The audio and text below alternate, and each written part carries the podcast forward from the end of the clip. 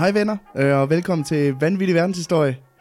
Vores øh, lille ekstra udgivelse her midt på, midt på ugen. Det er det, man på YouTube-sprog kalder en uh, 1000 subscribers special. Uh. Ja, det kan man godt sige. Der er bare ikke så mange unboxings her. Nej, det er der bare ikke. Og, og i, hvis vi gjorde, hold kæft, hvor ville det være røvsygt. ja, Nu Så- pakker jeg kassen op. ja. Den er flot. Ja, præcis. Den er cirka så stor her. Så, så stor. Kan I bruge det til noget? Det er, det er et lille ekstra afsnit, vi har sat os ned for at producere her øh, I anledning tirs, af- tirsdag aften. For, Ja. For, I anledning af, at vi har fået 1000, der, der liker på Facebook, og det rammer så rimelig godt i forhold til, at vi også har 100.000 afspilninger og downloads på, vores, øh, på alle vores episoder. Det er jo vanvittigt. ja, Altså, øhm, fuldstændig. Tre og en halv måned, og så er vi nået dertil. Det, det Så er vi her. så skørt. started from the bottom, now we're here. Ja. Og der er højt, stadig højt til Der loftet. er virkelig højt til loftet. Det kan man så heller ikke se. Så Nej, det, nej. Men også sådan metaforisk højt til loftet, ikke sandt? ja. Ved du hvad? Jeg har jo taget, det sagde jeg jo allerede sidste gang, at jeg har taget noget specielt med. ja, Fordi øh, vi skal jo også have det godt. det skal og vi. vi, der kommer også noget godt til jer. Det vil vi ikke sige noget om nu. Men Nej. jeg har taget en særlig øl med. Ja, Øh, den jeg har taget med her, det er en, øh, den hedder en Du, D-E-U-S. Og øh, det er faktisk, altså det er sådan lidt øllet champagne. Men jeg ved ikke, vi snakker om, at vi lige skulle lave lidt, øh, lidt hurtig video her til, Ja. øh, vores, øh, til vores Facebook-side. ja. Når Så jeg, jeg, lige popper øh, svineriet her. jeg sætter simpelthen gang i, i noget video nu. Ja. Og så øh, lægger vi det her klip op på vores Facebook-side, hvor vi ligesom Teaser. ja, popper panden, kan man sige. Lige og for præcis. ligesom også at fejre det sammen med jer, fordi jamen, en ting er, at, at, at det er os, der fejrer noget, men det er jo ligesom jer, der, der Skal bakker op os. om det. Så, ja, så det er jo egentlig jer, vi fejrer. drikker så det her for- tillykke, for jer. tillykke. I får ikke lov at smage, men, men I kan få lov til at kigge på det. Og så får I sikkert også en super griner video af mig, der smadrer en Chromebook lige om lidt. Men øh, vi popper øh, en flask. Åh, oh, åh. Oh. Oh, Hold da Hold kæft. da kæft, mand. Ja, ja, den kunne noget. Den ville Jeg fik noget. den næsten i hovedet. Den ville afsted. Det er perfekt. Og så lige i de her sådan helt vildt høje pilsnerglas. Det bliver et smukt Super øjeblik. lækkert. Ja, amen, altså øllen har jeg smagt, og den er altså fuldstændig legendarisk. Og også bare virkelig en flot flaske, altså for satan, mand. Ja, super lækkert. Den dufter godt. Det gør den. Det her, det er altså... øh, Man skal også være god ved sig selv. Det Skål, ligner mand. også lidt champagne i, i de høje glas. Så, Skål til jer. Skål. Og øh, uh. skål til jer, der ser videoen på, på Facebook også. Den er sgu meget flot. Den er der er fandme, altså de her glas er man beskidte. Man plejer at sige bobler øh, i et glas, der er hældt noget op. Det er et tegn på, at de ikke er blevet vasket. De er blevet, det, jeg har personligt vasket dem. Ja, Det har jeg så ikke gjort godt nok. Jo, jo, altså de første 4 cm er ikke så meget, men de sidste, dem hvor du kunne nå, der er blevet gjort helt rent. Det er perfekt. Perfekt. Men øhm, Skud ud til, til Facebook. Og Skud ud det til- bliver lidt underligt og meta-agtigt. ja, men det er Øhm, perfekt. Men altså, øh, men skål for jer. Tusind fedt. tak. Tusind tak. tak for, at I lytter med. Tusind tak, fordi I kigger med. Det er perfekt. Ja, altså, vi kan dejligt. ikke få det bedre. Vi har det godt. det har vi. Så.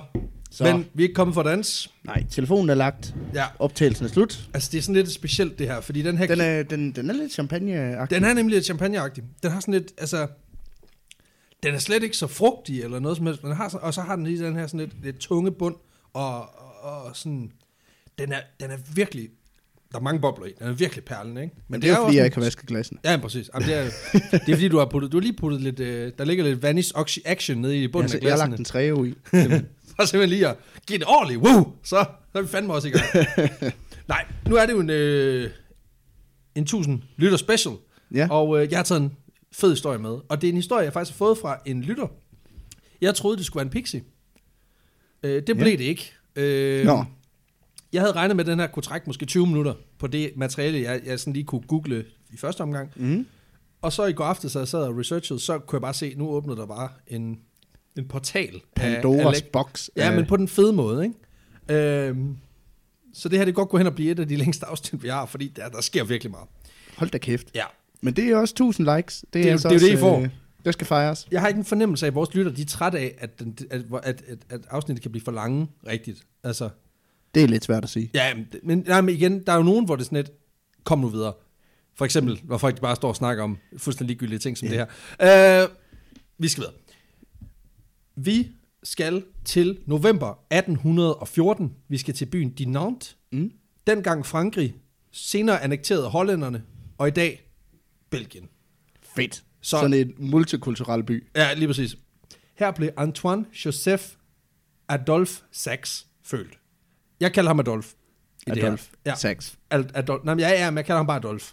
Ja, ja. Bare Adolf. Vi er på fornavn allerede. Vi er på fornavn med Adolf. Nej, men ja, hvad for net af dem? Altså. Øhm, hans forældre hed Marie, og faren, øh, det var moren, og faren hed Charles. Øh, faren var opfinder og instrumentbygger, øh, og byggede alt fra messingblæser til guitar, harper og klaver. Han spillede så at sige på alle tangenter. Badabab, badabab.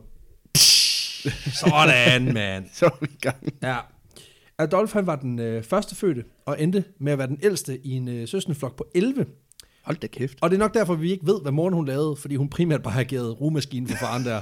øh, men Og- det, det, det, er jo ikke et, et, et urealistisk scenarie, fordi hvad fanden skulle hun ellers lave? Hun har ikke kunne, altså, Det er jo også noget, vi der sker relativt tit i den her podcast. Det er det der med sådan, jamen så var han den yngste af 18 børn, Ja. og så, øh, så døde halvdelen. Ja, og det er sjovt, du siger det. Ej, det er faktisk ikke sjovt. Men øhm, ja, det er kun 4 ud af 11 i den, lige det her tilfælde, som, som, som klarer skærne. Men igen, det var et hårdt miljø i, 18, i starten af Det gjorde man 1800-tallet. jo dengang. Det skete jo. Men Adolf, han levede. Øhm, og i det første stykke tid, der levede han som enebarn. Og som enebarn, så nyder man jo en masse dejlig opmærksomhed fra sine forældre. Man er jo familiens lille centrum på en eller anden måde. Ja, selvfølgelig. Øh, og man bliver også passet rigtig godt på, fordi førstegangsforældre er jo sådan til tid meget pyldret over, hvad deres øh, børn kan og må. Øh, så var det ikke rigtigt med Adolfs forældre. Nå, Øh, altså i hvert fald ikke den forstand, at de var over ham konstant. Og det kan jo være fint nok, hvis i sådan en, du ved, sådan curling-agtig situation. Men lige i Adolfs tilfælde, der kunne de måske godt lige have haft et, et øje mere på ham. Øh, fordi forældrenes manglende fokus i nogle af de her, øh, det ender simpelthen i nogle ret uheldige episoder. Øh, og dem skal vi lige igennem, tænker jeg. Øh, vi starter lige med, at han øh, lærer at stå selv. Og så kommer han ligesom ud, ja, så kommer han ud for en lille ulykke. Øh, han finder simpelthen ud af et øh, vindue fra tredje sal. Ja, Nå jamen, hvis du skal falde ud af et vindue, skal du kunne stå i vinduet først. Det, det er jo det. øhm, han falder simpelthen ud af vinduet fra, fra, svarende, fra, et, et, altså fra en højt svarende til tredje sal. What? Og lander øh, face first øh, på en sten. Nu ved jeg, nu, nu har jeg ikke selv børn. Det har du jo så. Men, men, men, det, men det er forholdsvis tidligt, at Mhm. de lærer at stå selv. Ja, det, er, det er omkring et år, hvis, øh, mm. Mm. hvis alt går, går vel. Ja. Øh, men Så er det også hardcore at overleve eller falde fra tredje sal, når du... Det, det er det. Øh, og de, faktisk lige efter faldet, der antager de tilkommende, at øh, han måtte være død, fordi det er langt op. Altså, mm. Det er sådan noget, altså en 12-15 meter, øh, er sådan lige mit estimat her umiddelbart. Øhm, men nej, nej, han er jo kommet i gang med livet jo. Ja, ja. Så Han det lige skulle lade at stå, for fanden. Lige præcis. Der er så mange steder, der skal stås. Øhm, han var simpelthen kom godt i gang, og nu, nu skal han bare i gang med den her øh, kavalkade af sindssyge situationer, han bliver udsat for. Fordi det fortsætter. Øhm, mindre end to år senere, der kommer han ved en fejl til at drikke af noget, han troede var mælk. Det viser sig så, at det er en opløsning af vitraliseret vand. Hvad er Øh, det? Ja, det er vand tilsat svovlsyre. øh, Ikke en god cocktail. Nej, og igen, jeg ved ikke lige hvorfor, at øh, hans forældre de har lige har svovlsyreopløsninger stående tilgængelig for en, øh, hvad der svarer til en... Men kommer det til mælk, tumling. når man... Ja, det bliver nemlig sådan lidt øh, mælkeagtigt, øh, altså i, i, Ej, på den måde, det bliver, jamen det får den der marmoragtige øh, mælkehvide farve.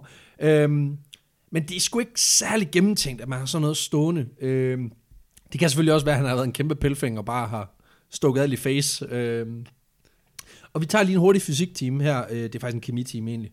Øh, det er ikke så godt for kroppen at drikke syre. Øh, selvom vi har Nå. mavesyre, som jo egentlig har en ret lav... dårligt som at falde ud fra tredje sal. måske. Præcis. Ja, nej, det er faktisk bedre på en eller anden måde. Øhm, ja, vi har jo mavesyre inde i vores, øh, i vores maver, øhm, som op, bruges opløse maden. Mm. Øhm, men, men, men svovlsyre er øh, lidt mere skidt, kan man sige. Og der er en, en, en vis risiko for, at øh, den her den her syre, den simpelthen æsser hullet i din mavesæk. Og hvis det sker, så er du først for alvor på skideren. Øhm, men det kommer simpelthen an på, hvor, hvor stor opløsningen mm. den er. Og i Adolfs tilfælde, ikke særlig kraftig. Alt er godt. Adolf han fortsætter livet. Perfekt. Det er perfekt. Yay. Uh, ikke så længe efter, der kommer skulle lige til at spise en knappenål.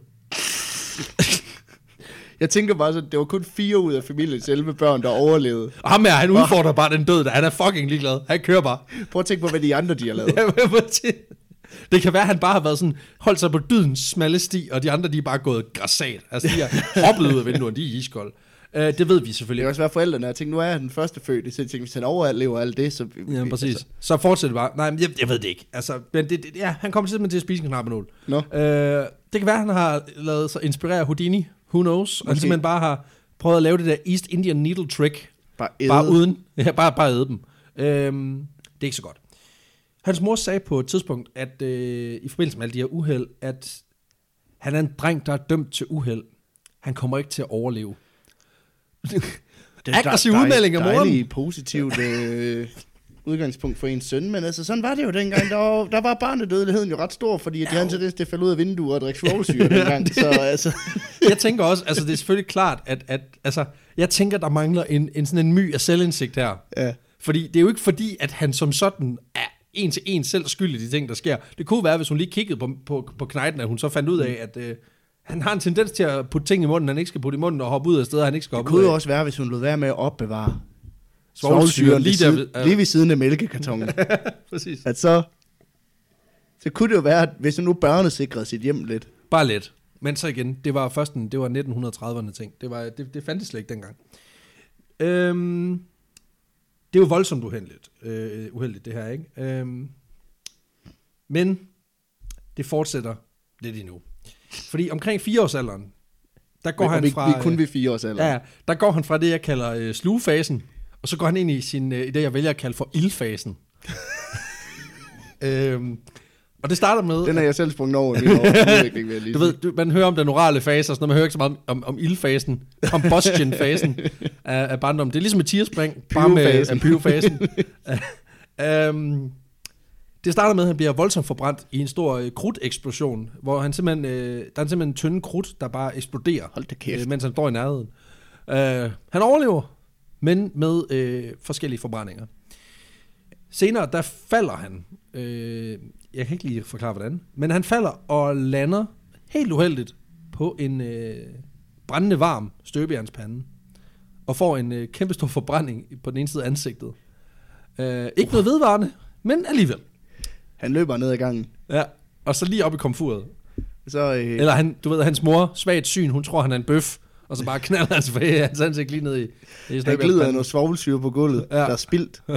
og man skal jo ikke græde over spildt svovlsyre. Nej, det skal man ikke. Det er bare sådan, det er sådan de kører i det her hjem, i øh, familien Sachs. Øhm, Altså, det siger også noget om, der var ikke så meget kontrol med børnefamilier dengang. det er ikke, der er ingen myndigheder, der brokker sig Altså, nu om dagen, hvis kommunen, de vil lige have ringet i hvert fald. Ja, det tænker jeg. Det tænker jeg. Øhm, ja, især fordi, at du ved, i disse tider, så ville det være blevet lagt op på Instagram. Og Adolf fik skadet igen. Hashtag uheldig. Hashtag burnt face. Drinking ads is so cute. Hashtag, det er voldsomt. Lol, he thinks it's milk. Prøv at drikke det. Han på vejen. Prøv at drikke det der, Adolf. Prøv, prøv at drikke det derovre. Troll dad. Hashtag pranks. Ja. øhm, det er en kort ildfase, den her, han er Åh, igennem. Men det det er en intensiv en af slagsen, ikke? Men det stopper ikke her. Øhm, på det her tidspunkt, der får han faktisk tilnavnet øh, Lille Sax Spøgelset i området. Øh, fordi oddsen er simpelthen imod ham. Selv, selv dem, der bor i nærheden af ham, de tænker, han overlever ikke ham der. Han må være død. Han må være død. Og man skulle tro, at hans forældre på det her tidspunkt begynder at passe ekstra godt på ham, fordi de ligesom har indset, at han, Han er måske... Han er mere uheldig end Han er en kombination af uheldig og dum. han er mere uheldig end your average bear. altså, han er sgu ikke... Øh, det er noget lort. Men, det lader ikke til at være tilfældet, fordi det fortsætter med uheld. Og øh, nu sker der noget, som jeg også tænker, at det, det, det lugter lidt af, at forældrene, de, altså jeg ved ikke, om det er passivt, det sker, men, men okay, du kan dømme.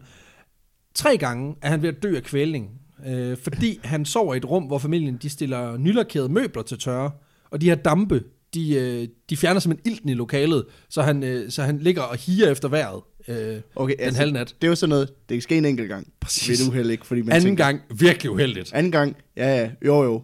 Der, Tredje-. Man vidste ikke lige, det var på grund af stolen. Nej, præcis. Tredje gang, Tredje gang, ja. det er et komplot. Det er 100% et komplot. Men en griner en YouTube-video. altså, Det er så vildt, mand. Altså, jeg tænker også, hvad fuck har de tænkt efter de første to gange? Det er jo utroligt, at han bliver ved med at... han er allergisk over for øh, lakerede stole. Jeg er ret sikker på, at han er allergisk over for E3. Det er der, den er. Ja. Jamen, så næste gang, vi lakerer noget sådan mahoni. Det er fint. Ej, seriøst. Ja, det er så tåbeligt. Øh, nu er vi ved at være i mål. Øh, altså, hvis vi ikke lige tæller den gang med, at han fik en øh, brosten lige i smasken, eller den gang, han øh, faldt i en flod, og var ved at drukne, øh, men kun lige overlevede på det hængende hår. Så. Og på det her tidspunkt, der er han, Han er, cirka... han, er, han er en overlever, det må man Ja, give det må man sige. I'm a survivor. I'm get... Nej. Øhm, det er 10 større uheld, der er ved at tage livet af ham. Øh, og på det her tidspunkt er han omkring de 10 år. Der Så det er en gang om året. Det, øh, Der er en, der har levet livet som 10-årig. Jamen, altså, han har set mere end de fleste. Altså, han er iskold. øh, men han vil det her liv, må man sige. Ja, det- altså- Øhm, Det kan selvfølgelig også være, at han overhovedet ikke vil det, og det er helt det, han med vilje. du ved, man kan, man kan tolke, der er to måder. Enten er virkelig heldig, slash uheldig, og to, virkelig dårlig til suicide. ja. Men nu åbner historien sig op, fordi det her, det, er- det er Adolfs sindssyge barndom. Men, Ja. ja. men, men det bliver faktisk, det bliver vildere, men på en anden måde. Fordi nu slår vi over i det, som, som, som, som faktisk gør, at Adolf er blevet super kendt i nogen kreds af verden. Fordi der lå små lyspunkter imellem de her livsfarlige uheld. Øh, og han begyndte at, i de unge år at interessere sig for øh, musik. Fordi hans far var jo instrumentbygger, og han går, gennemgår simpelthen en kæmpestor karriereudvikling i søndens øh, tidlige år. Hans far bliver nemlig, året efter at Adolf bliver født, øh, bliver han simpelthen bedt af William den første af Orange, som er den øh, første rigtige konge af Holland. Ja. Øh, som på det her tidspunkt er, øh, har indtaget, hvad der senere bliver til, til Belgien. Øhm, han er simpelthen annekteret det Okay. her område. Øhm, han bliver simpelthen, øh, Adolfs far her, han bliver simpelthen bedt om at levere musikalske instrumenter til øh, det første, til et af de øh, første orkestre, øh, større, eller et, af- nej, ikke en af de første, men en af de største orkestre på det her tidspunkt. Øh, faren han producerer alt Det var fra... datidens Beatles. Ja, ja, ja noget i den stil. Uh, faren han producerer som sagt alt fra, fra træ og messingblæser til violiner og klaver. Hans kvalitet den er fantastisk, og instrumenterne de bliver udstillet og vinder priser. Uh, han får stor anerkendelse for sit håndværk. Uh, en stor del af den her proces overværer Adolf, uh, og i stedet for at rende rundt og lege, som de fleste andre børn, så bliver han dybt betaget af farens arbejde. Jeg tænker, at det kunne måske også være ansporet af, at han, han skulle ligesom ikke være ude i den virkelige verden. Hver gang der var virkelig for at lege, så, så Præcis, der er en eller anden, der prøver at slå ham ihjel. Øh, så, så det er meget trygt. Han har fundet et sted i, i, i den her, det her værksted, og så sidder han der. Mm. Øhm, Men så får han en guitar i hovedet, og så... de bruger den simpelthen til at teste, de bruger hans hoved til simpelthen at teste, om, om de de er spændstige nok. Øh, stikker hovedet ned i sådan en tuba. øh, igennem, øh, igennem hans ungdom, der bliver han øh, mere og mere fænget af, af farens job her. Og han sad ofte i værkstedet og betragtede faren og hans arbejde med instrumenterne. Faren, øh, Charles, øh, han hedder Charles Joseph, han gjorde alt, hvad han kunne for ligesom at imødekomme søns interesse. Øh, og lære ham, tage ham faktisk mm. i lære som instrumentbygger. Hvilket jo også er, er ret fantastisk, ikke? Øhm, Det er også en, det er også en vild profession. Jamen, det er det da. Og, og, og jeg tænker også, det er også en meget stor interesse at tage sit eget øh, barn. Måske fordi han har, du ved, indbygget kæmpe dårlig samvittighed. øh, nu er jeg der for dig. Nu og nu skal, er du klar? Nu har jeg ikke, jeg har ikke fulgt med de første 10 år i dit liv, men det lader til, at du gerne vil være her. Så nu skal du være forberedt på, nu micromanager dig. jeg har sådan tænkt sådan, hvordan, hvordan skal jeg nogensinde passe på ham? Så er jeg nødt til at tage ham med i vær- værkstedet jo. Jamen, det er præcis. Altså, Hvor der kun er, du ved, øh, høvle og farlige skarpe genstande. Øh, og masser af lim. Og, Han vil blive overrasket over, hvad øh, Adolf han kan, han kan komme til skade med. Nå, man lader også til at komme til skade med ting, der ikke burde som sådan være farlige. Ja. Men, men ja, netop. Øhm, Jos, øh, hvad hedder det? Adolf, han har på det her tidspunkt også fået en kæmpe stor interesse for musik. Han spillede Mm. fløjte og sang fra han var barn, men i takt med, at han bliver, ligesom bliver fanget af farens arbejde, så begynder han også at, at arbejde mere og mere med andre instrumenter. Og især øh, blæsinstrumenter får han øjnene op for. Øhm, og øh, det kan godt være, at efternavnet giver lidt væk, hvor vi er på vej hen, men det kommer vi til. Altså sex. Sex. Ja. Allerede som 20-årig, Ja. der opfinder han sin egen variation. Nå! Af, ja. ja. Wow. That took some time, my friend. Ja, det er fint nok. Uh, til jer derude, der har regnet ud, det her det er den stille hævn for, uh, for 1. aprils afsnittet. Uh, um, og jeg skal nok lave næste års opfinder 1. flyen, april. eller? Ja, lige præcis. Allerede som 20-årig, der opfinder han sin egen variation af klarinetten, som er jo en, øh, et blæsinstrument. Øhm, hans version har 24 øh, klapper, altså der, mm. De, de her klapper, som man bruger til at trykke på, for ligesom at Ja, modificere de her lyden. åbninger. Ja. Ja. præcis.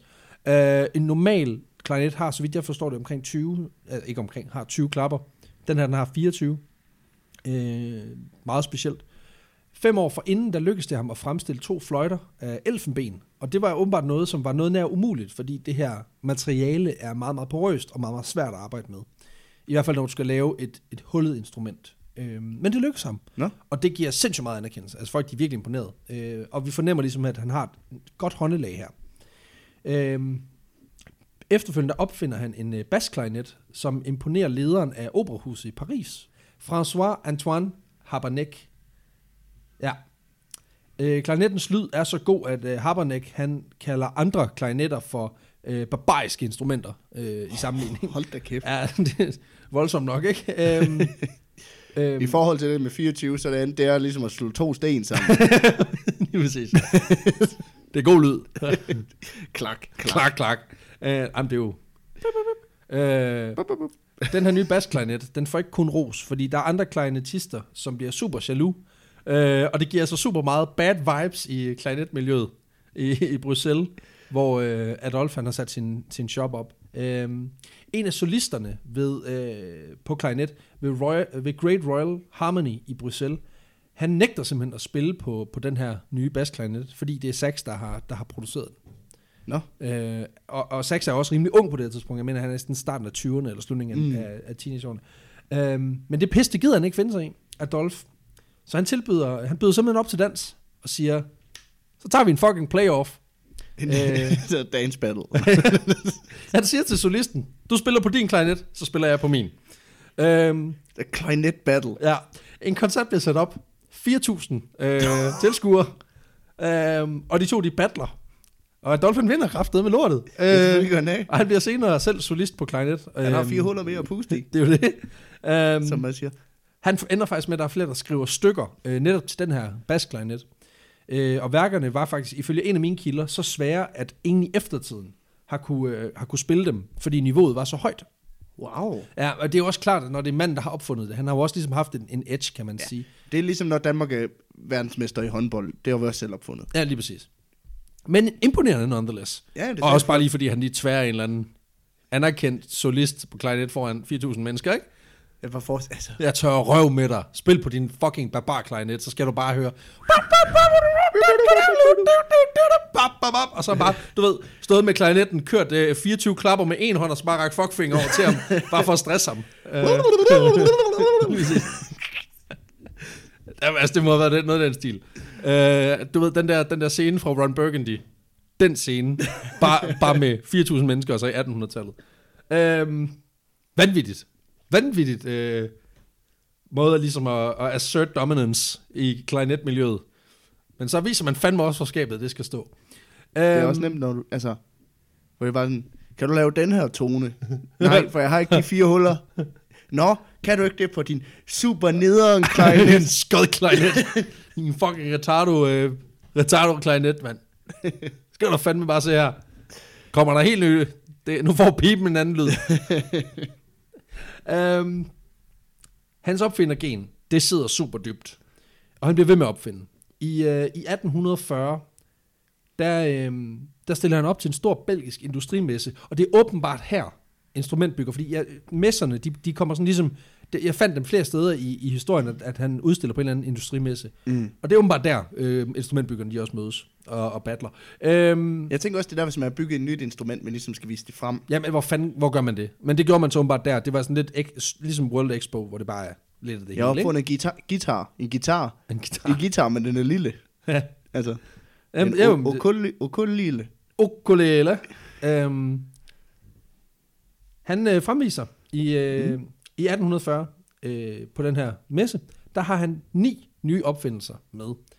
Øhm, og det er alt, det er forskellige opfindelser. Det er ikke kun instrumenter, det er også noget øh, øh, værktøj til at stemme øh, klaverer og, og, og også instrumenter. Øhm, men fordi han kun er 26 år på det her tidspunkt, så bliver han nægtet øh, en guldmedalje for de her opfindelser. Og han må tage, tage til takke med en sølvmedalje. På grund af hans alder? Ja, Jamen, det, det er i hvert fald den, det er den klare oplevelse, at, at, at det kan ikke gå, at, at, at, at den, der, der tager fra messen her med, hvad kan man sige, top shit, at det, det er en på 26. Han får en sølvmedalje med noget, øh, noget tjal på, øh, tjavs, ikke tjal, tjavs, eller en form for tingeltangel på. Øh, igen viser han sit temperament, og han nægter at tage imod den her sundmedalje, med beskeden om, at øh, den er han sgu for gammel til at tage imod. Cocky type. Boom. Mic drop, eller clarinet drop.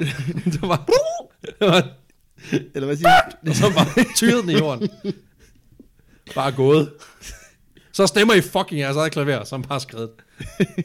Klippet alle strengene, så kan I kraftet med lære det. Um, jeg synes, det er friskt, men jeg kan enormt godt lide det. Um, og ifølge flere af mine kilder, der, der bliver Adolf i den her periode, han bliver mere, sådan mere bevidst om hans potentiale, og bliver klar over, at han kunne noget med instrumenter, som, som Mm. andre ikke kunne. Um, og det, det, det, kan man også mærke. Han er cocky, ikke? Men, men han har også noget hat i, for han er pisse dygtig. Ja, man har noget attitude, men Ja, altså... Jo, men det har man jo også, hvis man ved, man er the shit. Altså sådan er det jo. Øh, der er mange, der ikke kan lide det. Men det kommer vi også ind på. Hans fokus, det flytter sig, øh, uden at forsvinde helt, og han begynder ligesom at videreudvikle de her blæseinstrumenter. Øh, og så begynder han lige så stille at kigge lidt mere specifikt på træblæsere. Og, og nu kommer der lige en øh, total for, for, for, for uvedkom, altså udfrakommende, der ikke har nogen viden. Hvad fanden er forskellen? Øhm, jeg forklarer lige kort. Øh, et træblæserinstrument er en af de to hovedkategorier, man, man kan inddele blæseinstrumenter i. Det er selvfølgelig ikke helt rigtigt, for der findes øh, træblæser, øh, messingblæser, og så findes der resten, som er sådan et, for eksempel et hornblæser, som er lavet af, af rigtig horn, øh, og sådan noget. Men, men det er, man, man hoved, hovedkategorierne er træblæser og messingblæser. Man ved også, det er godt delt op, når der er sådan, der er det her og det her, og så er der, så er der de andre, Så er der der ikke lige... jo, men det er fordi, det er, så- det, så bliver det mere og mere ukurant, kan man sige. Øhm, forskellen ligger simpelthen i, at øh, messingblæser ofte er lavet af, yes, you guessed it, messing. Nå. Øhm, men lyden den frembringes af, at man øh, blæser i det, hvorefter Mm. øh, luften via læberne sættes i svingninger ned igennem øh, det her instrument, rør, og forstærkes og ender med at komme ud som lyd og toner. Øh, Og det er sådan noget trompet og... Ja, det kommer. Ja, ja. Øh, form og eventuelle klapper og huller dikterer tonerne, og eksempler på messingblæseren, det er jagthorn, trompet, tuba og Mm. trækbasun. Jeg har gået til trompet en gang, jo. Åh, oh, for fanden. Ej, det, det, skal, jeg- det skal jeg høre på et tidspunkt. Ja, det skal du ikke. Nej, okay. Men det er, jo, det er jo, hvor det er læberne, der ligesom sætter øh, vibrationerne og skaber... ja, ja. Ja, ja. Det er så, man laver. Det er jo det, han kunne. det er sådan en hestespiller trompet. Og det er der mange heste, der gør. Øhm, træblæserne differentierer sig på den måde, at de også øh, ofte, altså de er lavet øh, også nogle gange af messing, nogle gange af metal, øh, eller andet metal. Øhm, men bliver også, nogle af dem bliver også lavet af, af træ. Men i stedet for at mundstykket, stø, i stedet for at mundstykket er lavet af messing, så er træblæserens mundstykke, øh, så sidder der simpelthen et blad indeni, som er lavet af træ eller bambus. Og det er så den, det, det blad, der bliver sat i, Der vibra- i, i vibration, og det er det, okay. Der forstærker øh, lyden igennem øh, instrumentet. Øhm, Okay. Ja, forskellen er helt kort, at, at, at altså simpelthen messingblæser, lavet af messing, skaber lyden via øh, vibrerer læberne, mens vibrationerne i en træblæser bliver skabt af det her blad. Mm. Og det er skide svært at forklare. Øh, Jeg har, spurgt en, øh, jeg har faktisk spurgt en af, mine, en af lytterne, som er en af mine rigtig gode venner, som har, øh, altså han har simpelthen kandidatgrader mm. øh, fra konservatoriet. Og det, altså, han kan godt forklare noget på det sprog, han bruger, om, om forskelle, lydmæssige forskelle. Men det er noget med, at inden for messingblæser og inden for træblæser er de internt så forskellige, at man kan ikke snakke om, hvordan lyden er. Anderledes. Anderledes. Fordi jeg er to forskellige lejre. Ja, lige præcis. Okay. Og de, de arbejder for, i, i forskellige tonelejer også, så, så du kan godt have et, et, et, et instrument, der lyder virkelig dybt, som er en træblæser, mm. og som er en Det er messingblæser. ligesom at spørge, hvad er forskellen på ketchup og på Nutella? Ja, ja, ja. Altså, som begge to er smørpålæg. Men Ja, præcis. Ja, ja, på den måde. Ja, begge er smørpålæg, men, men inden for to vidt forskellige dynamikker, og nogen spiser dem begge to på ost. ja, de er gode med Øh, pølse begge to. Jeg kan godt mærke, at det er dig, der bor i en, øh, der bor i en lejlighed med, med, med to andre studerende.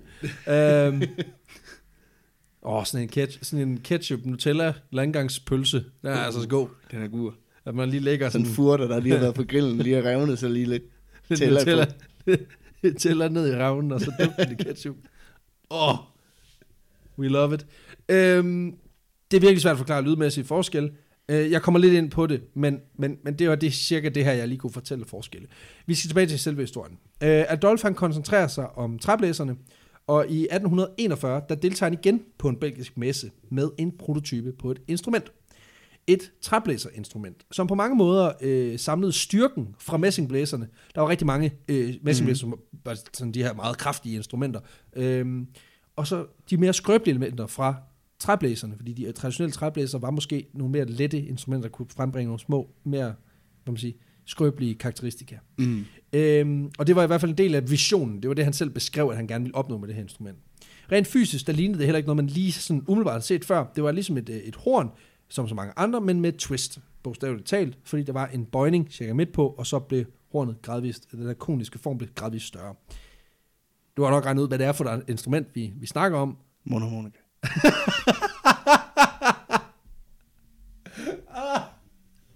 Ja. Ja!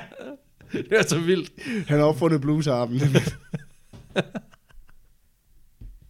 Det var Kazoon. der, der er flere, der har pointeret over for mig, jeg, altså, hver gang vi snakker om instrumenter, skal jeg prøve at efterligne det, og det går altid af helvede til. Ja. Altså, jeg skulle lave, jeg skulle lave en sækkepipe i afsnittet, og, og, hvor jeg ender med at sige...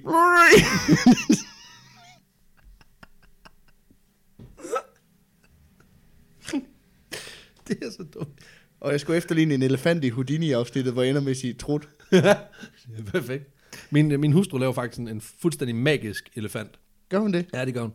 Men det er så også, fordi vi har en masse bøger, hvor der er elefanter i. Hun kan få børnene. lov at spille det næste gang. Så laver hun sådan en, jeg, jeg tror godt, jeg kan gøre noget, der minder om. Sådan der. Hun er bedre til det, end jeg er. Men jeg kan se på... Nej, ikke... Men jeg kan se på dit mundlamme ansigtsudtryk, at, at du er overrasket. Altså, du, det, det havde du ikke forventet, den lyd kom ud af mig. Faktisk lige inden vi var begyndt op til det her afsnit, der snakkede vi meget om sådan, vi har fået en masse anmeldelser på iTunes, hvor folk de var sådan lidt sådan, det er lidt ustruktureret en gang imellem. Og så var vi sådan, vi forstår ikke helt, hvad de mener, men nu, nu er jeg helt med. Vi har også fået rigtig meget, altså, ikke rigtig meget, vi har fået en del etstjernede anmeldelser, fordi de synes, vi er fucking irriterende. Det må I altså leve med. Ja, det forstår Det, jeg. hvis I gerne vil have, at vi bare fortæller historien og ikke har følelser, så øh, der findes der masser, der findes masser af gode podcast derude, men det er altså ikke vores. han præsenterer kraftet med en prototype på saxofonen. Det er Nå. det, jeg prøvede at sige. Ja, chokket kom. 1841, han præsenterer prototypen på saxofonen. Ideen var som sagt at producere et horn, der kunne flere ting på samme tid. Han havde en ambition om, at det her instrument skulle gøre en forskel både i klassiske orkestre, men også i militære øh, orkestre, som jo var en, en ret stor ting på det her tidspunkt. Mm. Det er det jo sådan set til del stadigvæk, men, men dengang var det altså rigtig stort. Øhm, interessen var spirende, og flere komponister og interessante kontaktede ham. Især var der stor interesse fra Paris, som på det her tidspunkt på mange måder var musikkens højborg. Man, jeg havde egentlig, ja, det vidste jeg faktisk ikke, jeg, jeg var overbevist om, det måtte være Wien, eller sådan et eller andet, på Ja, grund af, sådan- du ved, de klassiske komponister, Mozart og så videre, Beethoven og Händel og sådan noget. Øhm, men det var jo bare Paris. Øhm, blandt andet var der et ønske om, at Adolf han hjalp med at levere instrumenter til franske orkestre, øhm, så han tog beslutningen om i øh, 1842 at simpelthen flytte til Paris. Move shop. Så han skal simpelthen ind og break it big. Break it big. Break it big, make it big. Lige præcis. Øh, og man kan sige, selvom han Han havde... gonna sax dem op. He's gonna and the sax them up. uh, det, lyder, det lyder mere som sådan en pornofilm, hvor der er en, der kommer til byen og skal make a name for herself, og inden hun ser sig om, så finder hun, befinder hun sig i en snooty back alley lejlighed, og så er det bare svært at sige stop. Mm. Mm. Altså, Han skal ind. Sex in the city. sex in the city. Sex in the city. Ja. Selvom han havde en spirende fame omkring sin person, og de, de skills, han ligesom havde, øh, så må mange folk have betalt ham i gode vibes, fordi Mm. da han rejser til Paris, der har han øh, 30 frank på lommen. Øh, og selvom, det var sikkert mange penge dengang, øh, det var ikke skide meget. Øh, det var det ikke. Øh, han ender simpelthen med at bo i en lade et stykke tid, øh, og må låne penge til Hvis at det få... er godt nok øh, til Jesus, så er det godt nok til ham. Præcis. Det er, what would Jesus do? Live in a barn. That's where I'm going. Um, men han låner simpelthen også penge for at få sin nye forretning afsted her. Øh, samtidig med, at han plejer omgang med nogle af datidens helt store musikalske mm. navne. Øh, blandt andet så fremviser han en øh, prototype på en bariton-saxofon til en komponist og øh, musikkritiker, der hedder Hector Balinos. Øh, Okay. han var sindssygt anerkendt øh, for sin viden og holdninger til, til musik. Sådan lidt som datidens Blackman. Bare bedre. Jeg havde faktisk skrevet her, jeg havde skrevet datidens Roger Ebert inden for musik. Men så gik det op for, mig, hvor snæv en reference det er, fordi hvem fanden ved, hvem Roger Ebert er. Ja. Roger, Roger Ebert var en filmanmelder i 90'erne. Som faktisk vidste sindssygt mange ting Ja, ja, som var meget anerkendt. Øhm, I i USA. 90'erne. I 90'erne. Det var også nemmere dengang. Han døde også for 10 år siden. Jo, jo, men forstå mig ret. Det var jo bare for at komme med en reference for helvede. Um, Og så valgte du simpelthen, at så Blackman det var bedre. jeg ved godt. Vi tager nogle meget hårde valg med kilder og, og, og etik, men nogle gange, så, så, så er der et slip-up, og det er jeg ked af. Det skulle så gå ud over jer. Um, Hector, han øh, kalder ham bare Hector, det er vidt dansk. Hector lytter simpelthen til, hvad Adolf han havde at sige, lyttede til musikken, han spillede. Øhm, men det er ligesom ham der, den pisse uhyggelige øh, anmelder i Ratatouille, så, øh, så siger han ikke særlig meget. Og de få ting, han så siger, mm. mens øh, at det her, han får fremvist det her, øh, den her bariton-saxofon, øh, de kunne stikke i begge retninger. Så da Adolf ligesom er færdig med den her fremvisning, som tager en 4-5 timer, der ved han ikke, hvad fanden øh, Hector Balnos han, er, han, han har lyst til at sige. Men der kommer en anmeldelse øh, i det anerkendte magasin Journal de Debat, øh, og den her anmeldelse, den er, er ret fucking fantastisk. Men han har, haft, han har simpelthen han har haft det ligesom, når man har været inde til mundtlig eksamen. ikke? Ja, Han er kommet ud sådan, du, du ved ikke. du aner det ikke. Det er 12 eller 2, det her. Det er øh, Ja, det er et eller andet sted på skalaen. Du håber på, at du får en karakter i hvert fald. lige præcis. Du har sprængt skalaen. Kæft for var det ringe. Eller kæft for det magisk. Du skulle, du skulle slet ikke være mødt op i dag. Nej, altså. du skulle have blevet hjemme. Det havde været bedre for dig. Øhm, jeg havde faktisk en ven i gymnasiet, som, som spekulerede i, om han overhovedet skulle møde op til eksamen, fordi så fik man jo et 0, og det var bedre mm. end minus 3. Wow. Ja, jeg siger bekendt. Ikke en ven. ja. Om saxofonen, der siger han i den her anmeldelse, dens primære værdi ligger i min optik i den varierede skønhed af instrumentets accent. Nogle gange seriøs, nogle gange fredfyldt, nogle gange passioneret, drømmende eller melankolsk, nogle gange svag, som et svagt ekko af et ekko, som det usynlige anklagende skrig af vinden i træerne, eller endnu bedre, som de mystiske vibrationer i en klokke længe efter den er blevet anslået. Der eksisterer intet andet musikalsk instrument, som jeg kender til, der besidder denne særlige resonans, som findes på kanten af stillhed. Wow. Boom! Wow. Ja, der bliver sgu lagt noget lort ned. Det her, det er løst Det lyder næsten som anmeldelsen fra Ratatouille. Det her, det er selvfølgelig løst oversat øh, fra fransk ja. af mig. Du har kørt det igennem Google Translate. Nej. Gud nej, jeg har da oversat det. Altså, okay, det var fra engelsk. øhm, og jeg synes også, Google Translate er blevet meget poetisk på det seneste. Ja. Nej, det, det er jo mig, der har, jeg har oversat det fra, fra engelsk. Øhm, Men det, det er en vild anmeldelse. Altså, Helt der, vildt, der er mand. noget omkring de der, du ved, sådan, de der anmeldere, der er meget velansete. De kan simpelthen de kan kan beskrive noget. noget, hvor man tænker sådan, hvad, hvad, hvad fanden betyder det? Men så når man har læst det færdigt, så er det jo lige sådan, det er meget smukt. at det, var, det lyder fedt. Den har skrøbelige toner, det er sgu fedt nok. øh, det var en jysk anmeldelse. øhm, Han spiller godt. Ja, det, det, Kæft, den god. God lyd. Øhm, den her anmeldelse, Den, den, den er øh, fed. Ja, den er fed. Den her anmeldelse, den giver genklang gennem hele Europa, og folk de fatter interesse for den her nu kun 28-årige instrumentbygger. Øhm, Adolf han bygger på livet løs, øh, men det er ikke kun saxofon, der bliver udviklet. Øh, faktisk så udvikler Adolf fire familier slash typer af instrumenter, mm. hvor der i hver familie er flere instrumenter i forskellige, øh, nu siger jeg tonarter, det er det ikke, det er tonelejer, altså så den matcher ja. forskellige stemmer, kan man sige. Han opfinder øh, saxhornet, saxtrombonen, saxtubaen og saxofonen. Øhm, og i okay. Visse tilfælde, der er der op til syv instrumenter i hver familie, kan man sige. Ja. Så det er mange instrumenter. Øhm, det er en af de første gange, man ser en instrumentbygger, som interesserer sig for flere forskellige typer instrumenter. Øh, og at det så også spænder over både træblæser og messingblæser. Det er jo sådan, at en, en tuba er egentlig af natur en messingblæser, og så vidt jeg kan forstå, så er saxtubaen også en messingblæser. Og indtil, mm. indtil da, der var det jo sådan, at, at altså, for eksempel Stradivarius, som udviklede violiner, han lavede jo kun violiner Ja, og blev pissegod til det. Mens det, at Dolph Sachs, han, han rent faktisk gør her, det er, at han udvikler flere forskellige instrumenter, som alle sammen har, et eller andet til fælles. ja, men alligevel også, som er, er, er specielle og brugbare inden for deres, altså deres egen retning. Ja. Så det er ikke sådan, at han bare udvikler et eller andet. Øh, han, han tilfører faktisk noget værdi på de her nye instrumenter, han udvikler. Øh, jeg vil kun gå nærmere ind på øh, hele det her med saxofonen, men, men jeg vil lige nævne saxtubaen først, som er fantastisk. Mm-hmm. Øh, de fleste de kender en almindelig tuba, som jo anses for at være et ret stort instrument. Øh, så skal man se saxtubaen.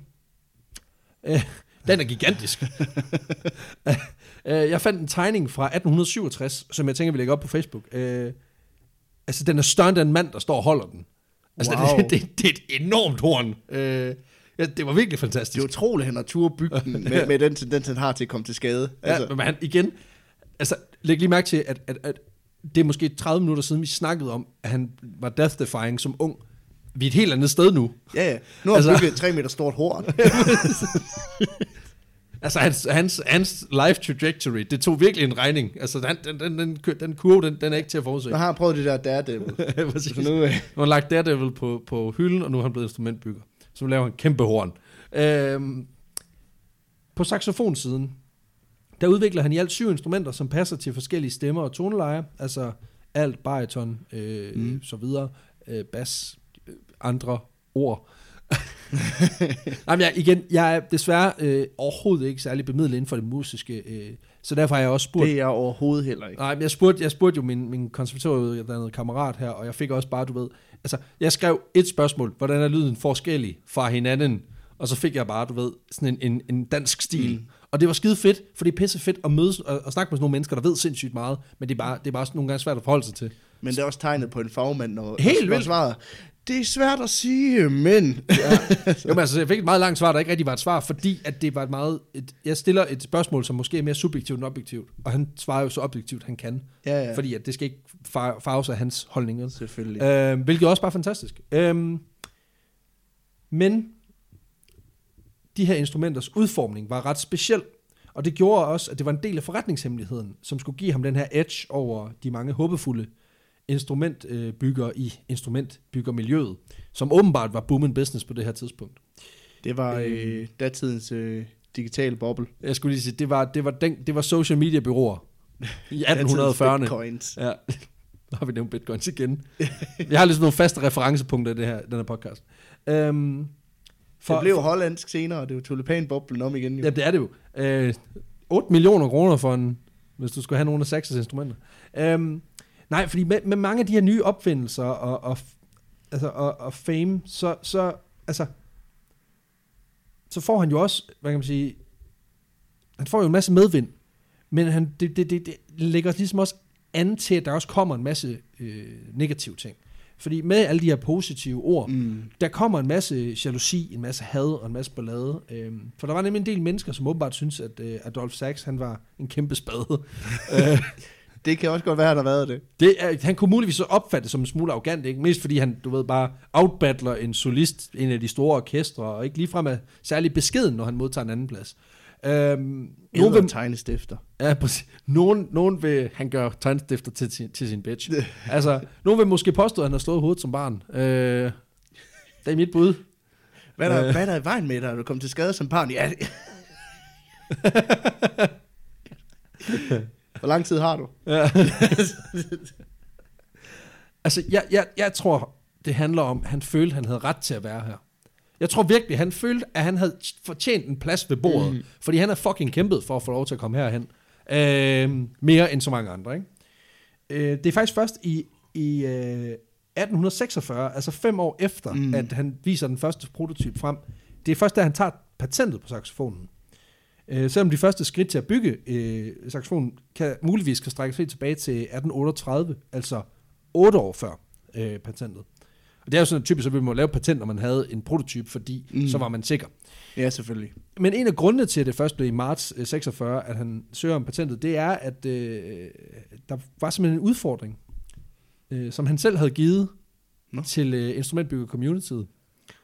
Øh, fordi der var nogle typer, der ligesom viskede i kroner om, at ham der, Adolf øh, Saxon, ikke lige var så hot shit, som, øh, som folk måske mente, og han selv mente.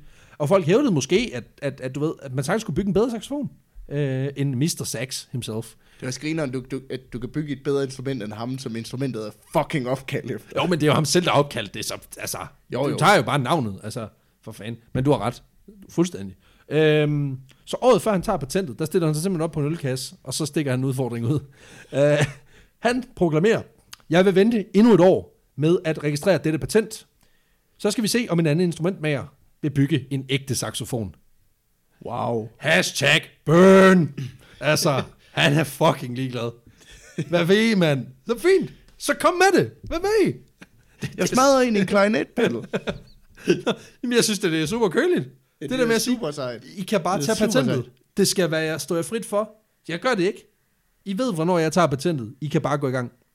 Øhm, goes without saying, han registrerer patentet, uden noget pis. Selvfølgelig.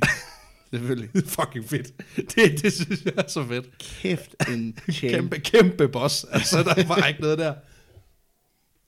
Øhm, de næste år, efter det her stunt, bliver lidt hårdt for opfinderen. Nå? Øh, fordi det viser sig, at mange af de her mennesker, jeg måske har trådt på med sin kæmpe store fede kæft, de begynder at organisere sig imod ham. Nå, Øhm, så folk kan simpelthen ikke lide ham. Nej, og, Nå. og, og, og det de finder ud af, det er, at der er så ligesom en form for klub, der er at blive dan- dannet. Sådan en, Adolf Sachs er nar-klubben. øh, for alle os, der synes, at uh, Adolf Sachs er en uh, stinker leverpostej, klubben inde på Facebook. de går simpelthen sammen. Og øh, flere gange i de, i de kommende år, der bliver hans øh, patenter angrebet. Han bliver slæbt i retten for angiveligt selv at have stjålet forskellige idéer fra andre. Øh, blandt andet kommer han i en længere fejde med en tysker om øh, en eller anden type, et eller andet horn, som tyskeren mener, at øh, Adolf han simpelthen har stjålet idéen til. Øh, over 20 år, der resulterer de her retssager i, at han går konkurs tre gange. What? Ja, Nå? de, altså de kører ham fuldstændig i, i jorden. Han er, jo, Øh, da- han er datidens Steve Jobs. Han bliver, jamen, han bliver høvlet også- for hårdt, altså. Gentagende gange er blevet nævnt, at han var er at være hans mindemand, men han var lidt en dæk. Han var super øh, øh, Der er også flere, der påstår, at Ja. der er nogle ting, øh, han har stjålet forskellige steder. Ja, det, Øh, han er også blevet altså, ruineret flere gange. det er sket. Det er Så- sket. Sex, jobs, Sex jobs. Det, det, jamen, jo, jo. Altså, different country, same shit. same person. Um, han, han ender med at gå konkurs første gang i øh, 1852, en gang til i 1873, og sidste gang i 1877. Wow. Ja. Derudover er der nogle orkestre, som simpelthen altså, nægter at overveje at tage hans instrumenter ind. Øhm, så, så altså, der er rigtig mange klassiske øh, orkestre, som simpelthen ikke tager hans ting ind. Så der bliver ikke skrevet pokkers meget musik øh, til de her finere lag, til, til for eksempel saxofonen. Selvom at der er en stærk inderkreds af folk, som, som lovpriser instrumentet, og de Mhm. ting, det kan. Øhm, det kan gå også ud over hans værksted. Fordi flere af hans konkurrenter, de stjal simpelthen medarbejderne. Altså simpelthen betalte dem dobbelt løn og fik dem til at skride. Øh, og modarbejder ham på alle lederkanter. Wow. Ja, den, det, altså, de er virkelig efter ham. Det er virkelig modbydeligt. Øh, helt vildt. Øh, og det, det går så også ud over hans øh, helbred. Øh, ham her... Heller svovlsyge, Helles mænd. Ja, lige præcis, uh, Hector Balnus, som jo bliver en personlig ven af ham efter, øh, det var ham, der anmeldte øh, saxofonen Mm. første gang, Bariton saxofonen der i, i 42. Uh, han, han, han skriver på et tidspunkt i et brev, at, at, at det her, det tærer virkelig på, øh, på Adolf Sachs' øh, altså hans helbred, fordi at, at de er efter ham. Altså, han sammenligner det med en eller anden, en eller anden gravør fra Italien i 1500-tallet, som også bare blev totalt revet i gulvet af, af konkurrenter Nå. som bare ikke, som bare ikke gad hans pis. Øhm, men, men, men, altså, selvom at der er så meget modvind mm. på så mange fronter, så er der alligevel, altså så går det alligevel okay nogle steder. Han får ansat sin far faktisk, i, øh, Nå. da han flyttede til Paris. Og imellem 1843 og 1860, der producerer hans værksted omkring 20.000 instrumenter.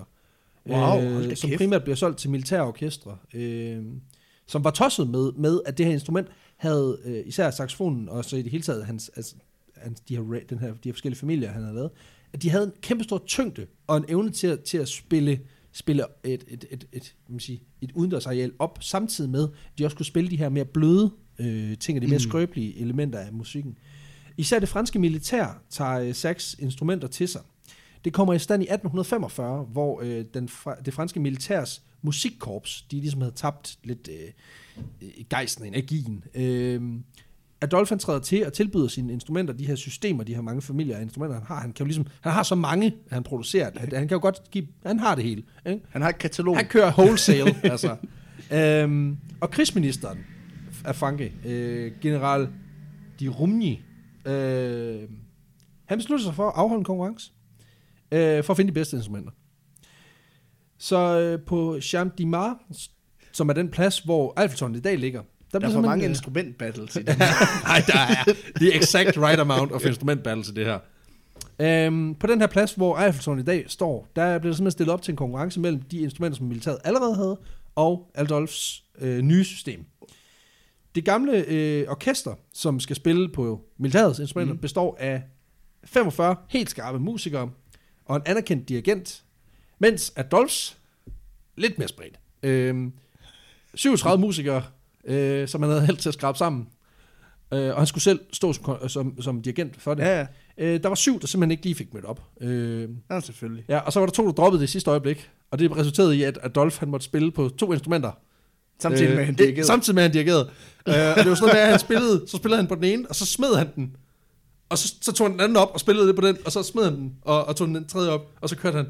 Øh, så han skiftede mellem to instrumenter, samtidig med, at han dirigerede 37 musikere, som jo ikke har ret meget internt øh, samarbejde mod det her totalt sammentømrede øh, orkester fra det franske militær, ikke? Det er som at sætte sådan øh, sådan gymnasieband op mod DR's øh, underholdningsorkester. Lige præcis. Ej, de har også øvet sig i to uger, hold nu kæft, altså.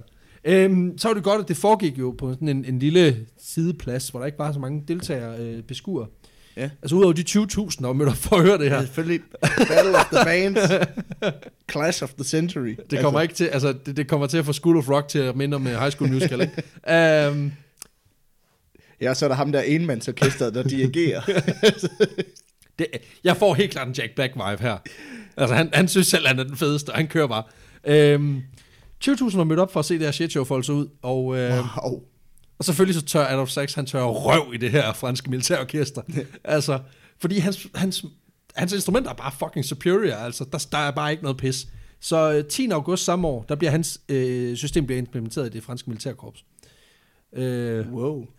I know. Uh, det, det er helt vildt. Uh, både til glæde for ham, men det lagde ham så også super meget for had hos andre instrumentmager, som, som tidligere havde levet godt og tjent fede penge på at levere instrumenter til det franske militærkorps, uh, musikkorps. Hvilke, øh, hvilket tidspunkt er vi på her? Jamen det er i 45, 1845. 1845? Ja. Okay. Det siger også noget, noget om, der har været rimelig meget fredstid, når det er det, man går op i. Ja, ja, 100%. Det er, hvad for Ja, instrumenter, man spiller på i fritiden. Vi chiller bare. Vi hygger. Det er skide godt. Der er ikke nogen, der har prøvet at slå os ihjel i flere måneder. Alt er godt. Et eller andet skal vi jo for fanden lave. Lige præcis. Altså, tager det stille og roligt. Altså, så prøver man at Øhm. gøre en konflikt ud af. Ja, ja, ja. Jamen altså, det er godt, der er ikke nogen, der trækker skarpt. Kur. øhm, derudover bliver han faktisk endelig hedret med en øh, guldmedalje for sine øh, instrumenter. Det gør han på øh, Paris øh, Indus- Industrial Exposition i 1849. Mm. Og så finder han sig en rigtig god ven i øh, den gode kejser Napoleon den 3., som er ret stor fan af saxofonen. Øh, Nå. Faktisk så stor fan, at han går ind og støtter Adolf økonomisk, øh, så han undgår at gå konkurs flere gange. øh, igen, det er godt med venner i høje kredse. Mm. Øh, Adolf, han var, han var ikke en forretningsmand, Nej. øh, må man sige. Øh, det er sådan lidt, øh, igen, øh, konkurs er ikke nødvendigvis en dårlig ting, men, men lige her der er det en dårlig ting. Napoleon var fan af mange ting. Altså, ja, ja også, hvad, hvad for en af dem? Altså, men Øh, nu, nu er det så den tredje. ja. Men altså, der var flere. Øhm, men i 1853, der forsøger døden endnu en gang at få snitterne i den gode Adolf. Han får, øh, han får kraft i læberne. Han har truttet for meget. Ironien i, at der er en mand, der lever af at lave blæseinstrumenter. Han får cancer i læberne. Det er for sindssygt. Altså, Ej, det er simpelthen ikke i orden. Hvad fuck foregår der? det var... Det er så dumt. Kæft, mand. Det er virkelig skæbens ironi. Du kunne ikke skrive det her lort. Det kunne du bare ikke. Det er så dumt.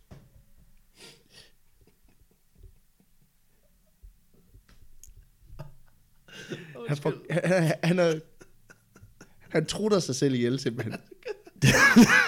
Jeg skulle tro, at hans lunger de var trætte efter, at han havde bare indåndet giftig dampe som barn, men det virker til at være gå fint. Nej, lungerne har det fint. Det er ikke det, der er problemet.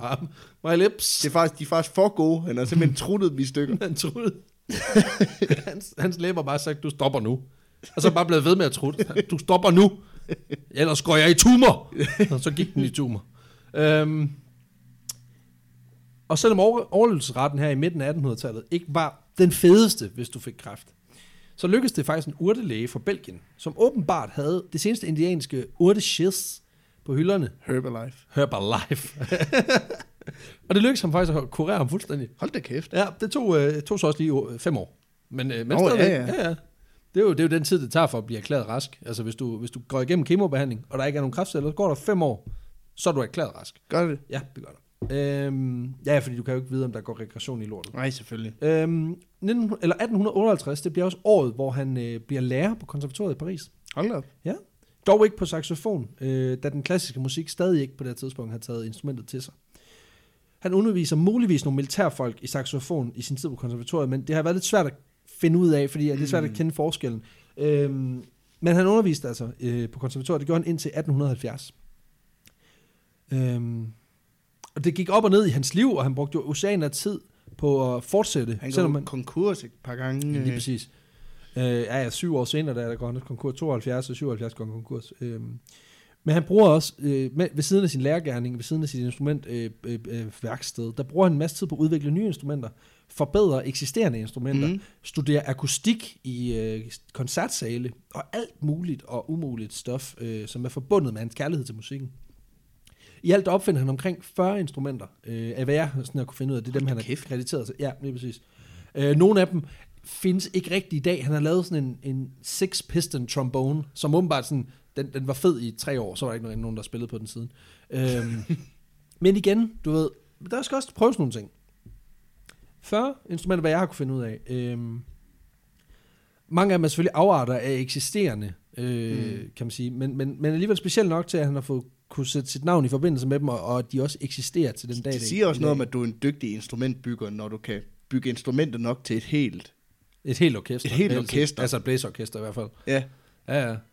Og der Øhm. ikke er nogen, der spiller på det samme instrument. Ja, det, det er vildt. Øhm, Adolf Sachs, han øh, forlader verden i øh, 1894. 79 år gammel. Wow. Og lud fucking fattig. Ja, selvfølgelig. Ja, ja. fordi igen, det er jo karakterist, øh, karakteristika af, af, af en kæmpe, kæmpe fucking champ. Altså, der er, jo ikke nogen, der er ikke nogen af de der sådan virkelig, virkelig, virkelig, virkelig, virkelig, virkelig anerkendte kunstnere, som har, du ved, de gik herfra i, med big box på lommen. Altså, mange, de, øh, jo, nogen sikkert, men de fleste af dem er jo døde øh, øh, fattige, ikke? Ja, de store øh, hvad kan man sige, innovatører er jo ofte, i hvert fald indtil inden for de seneste 100 år. Øh, indtil år 1900, jamen, der, der var det jo meget typisk, at man først Ja, ja, tjene penge på sin opfindelse, når du var død. Ja, nemlig. Så, er der, så det er jo sådan den, den ultimative gave til de kommende generationer. Ja, ja. Og så er der bare siddet, du ved, en eller anden 18-årig, der bare har overtaget et patent, som bare har købt en Ferrari, og aldrig har haft det svært. fordi min far opfandt klemmen. Altså, fordi, du ved, that's social justice for jer. Uh, Plastikposer, det var godt nok godt tænkt, farfar. tak, tak farfar. for den her lystjagt. Og de her russiske blond babes med kokain. Ja. Og store silibabser. Ærgerligt, du døde på fattigården, men skål.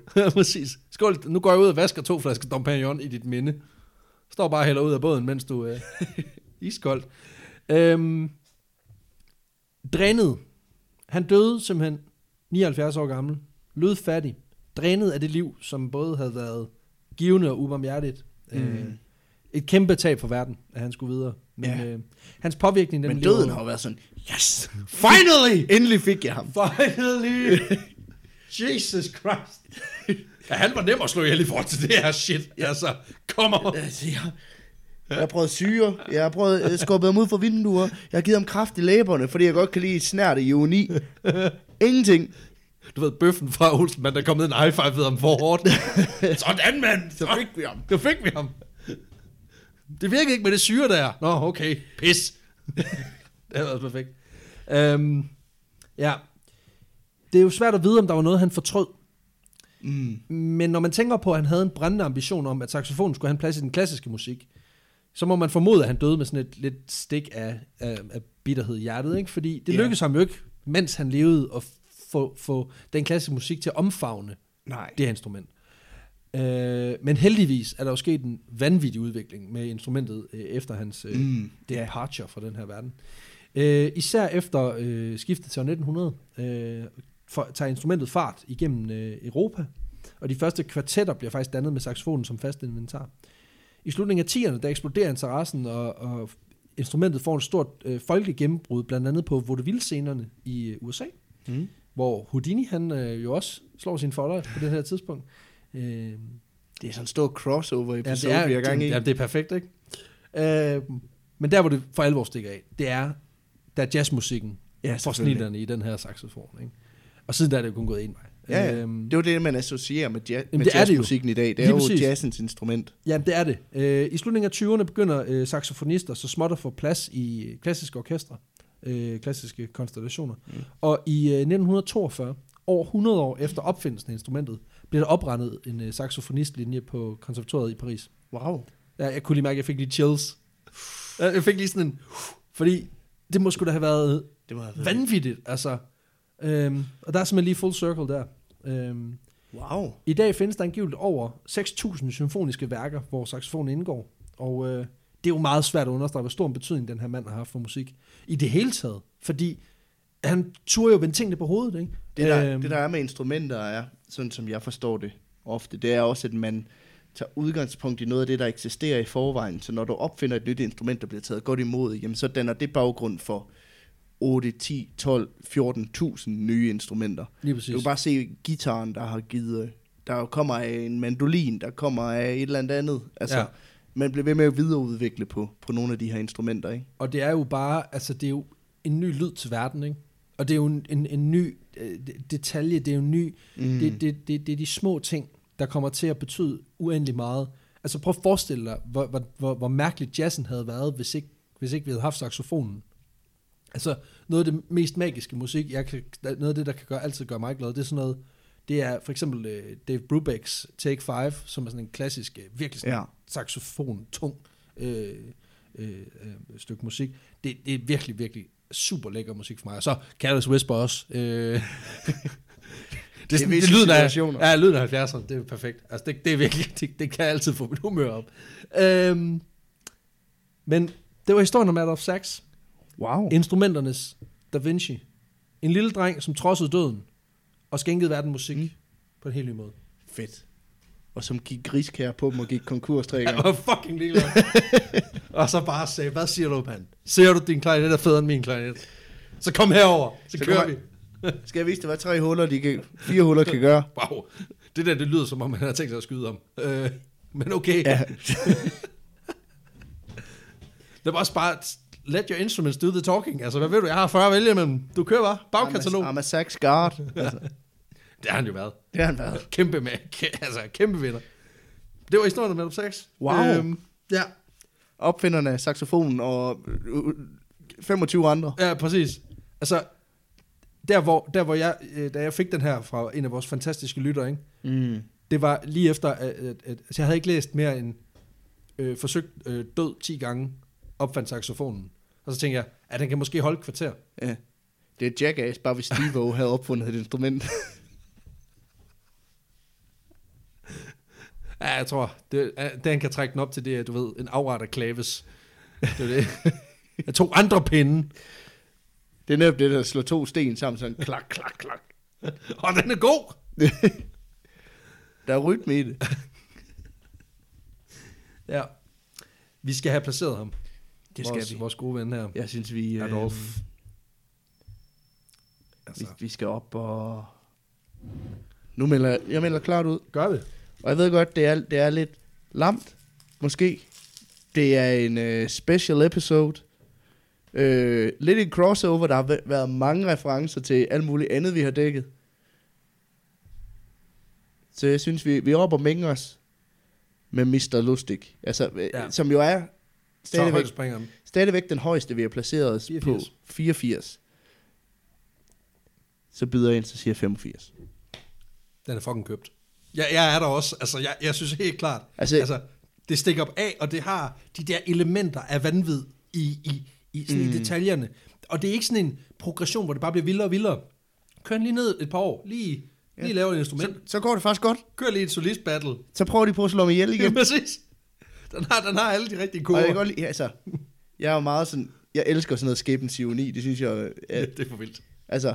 ja. så kraft i læberne, Ja, var seal, Altså, seal the deal. øh, fuck kraft og alt det der, men det, det er super ironisk. Som et dramaturgisk virkemiddel, der var den bare placeret perfekt. Ja, ja. altså, det, det kan man jo ikke. Ja, det, det kan vi ikke slå os Nej. imod. Det kan vi ikke. Det- 85 på vanvidsbarometeret. 85, højdespringeren, Ja, det er det. det er den højeste, vi har placeret endnu. Det var en, en, en barn, der faldt ud af vinduet, og så opfandt saxofonen. Det var, det var der, vi er. Ladies and gentlemen.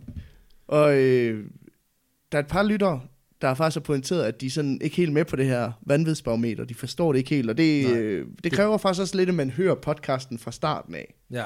Så jeg tænkte lige, at måske var det en meget god idé, at vi lige kort opsummerede, hvad Ja. er det egentlig, det går ud på. Og vanvidsbarometer, det er vores, øh, vores måde at rangere historien op mod hinanden. Øhm, vi hedder Vanvittig Verdenshistorie, og kort sagt, vi leder efter den mest vanvittige historie. Øhm, og den eneste måde, vi kan finde det på, jamen, det er simpelthen ved at gå dem alle sammen igennem, og så rangere dem op mod hinanden. Og det gør vi på en skala fra 0 til 100. Øhm, Lige præcis. og øhm, Indtil videre, der laveste er sådan noget 56, og det højeste er jo så i dag 85. 85. Og ideen er, at, øh, at det skal munde ud i, i et barometer, hvor man rent faktisk kan gå ind og se, hvor er den enkelte historie placeret. Det er noget, jeg arbejder intens på. Øh, vil jeg lige skal godt sige det. Vi, vi får sgu snart en, øh, en hjemmeside på øh, World Wide Web. Det er for vildt. Det er for vildt. Ja, Og så kan du gå ind og klikke rundt, og hvis man er heldig, kan man faktisk også se et billede af os derinde. det kan man da. Det Ja. må vi se at få taget. Øhm, men en del af den her hjemmeside, eller det, som den her hjemmeside bygger op omkring, det bliver netop vanvidsbarometer, hvor man kan gå ind, klikke lidt rundt, læse lidt mere, øh, se nogle kilder på de forskellige historier, den slags ting. Noget af det, som vi måske har negligeret lidt i, i nogle af podcastene, kan man så gå ind og, og finde derinde. Lige præcis. Og det er lidt det, der er ideen med vanvidsbarometer, det er simpelthen, jamen den, der ligger øverst derinde, det er den mest vanvittige historie, vi har dækket indtil videre. Og det går ikke i en retning. Det er ikke sådan, at vi leder efter mere med vanvittige historier. Fordi vi finder bare de historier, vi synes er pisse interessant at fortælle hinanden. Mm. Og jeg kan mærke, altså så går man ind i en periode, jeg kan mærke, at jeg har helt meget lyst til at lave sportshistorier for tiden. Og så kommer der bare en eller anden lytter og smider den her fantastiske curveball. Og jeg skal lige sige, jeg kan ikke lige huske, hvem det er, øh, der, har, der har meldt den her ind. Jeg skal nok finde dig, og vi skal nok sende dig en mulepose. Det, det, det er det mindste, vi kan gøre, når nu er du kommet med, med så genialt et stykke, et stykke vanvittig historie til os. Ja. Så, øh, men øh, ja, var det ikke det? Det var, det var det. Tusind tak, fordi I lyttede med. Tusind tak for de, øh, de 1000 øh, likes på Facebook. Tusind tak for de 100.000 afspilninger af podcasten. Det er ret vildt. Vi startede det, det her som en, som en hyggepodcast. Øh, en god undskyldning for at drikke i hverdagene. Øh, og Det er det stadigvæk, det er det stadigvæk. Øhm, men det er, der men er sket meget. det har grebet lidt om sig. Det har det. Øh, på flere måder. Jo, jo, men altså, vi bruger meget tid på det, men vi, vi gør det jo også glædeligt i den forstand, at vi får bare, jeres tilbagemelding er, altså det er, det er simpelthen, mm. det er sukkeret i hverdagen. Altså, det er fantastisk. Ja, Det der med, at der ligger en besked fra en eller anden øh, lytter, som synes, det er fedt, det vi laver, eller en eller anden, som synes, at vi kunne gøre det bedre. Begge dele fungerer skide godt for os, fordi vi, vi vil bare gerne, vi vil gerne blive bedre. Vi vil gerne lave det her, Mm. Fordi vi synes, det er det fedeste. Altså, det er super dejligt. det er pissefedt. Og øh, skal det være helt ærligt sige, at vi bruger en del tid på det også. Men det, øh, Det gør vi. Det gør vi. Men prøv at høre. Responsen på det, det er, det er alle minutterne værd, 100%. vil jeg sige. 100%. Så tusind tak, fordi I bakker op om projektet. Det er vist det, vi kan nå frem til her. Og nu har vi også drukket hele den der store flaske øh, øl der. Så Ja, det den kan jo også være, at, øh, Er det bare blevet bedre? at vi bare lyder som nogle idioter på det her. jeg, tror, jeg, jeg tror ikke, det har ændret sig fra første minut. Nej. Men, men okay. Nej, vi er også blevet vant til det efterhånden. Det er jo det. Det er jo det. Men tusind tak, fordi I lyttede med. Vi lyttes ved næste gang. Tusind tak. Vi ses. Moin.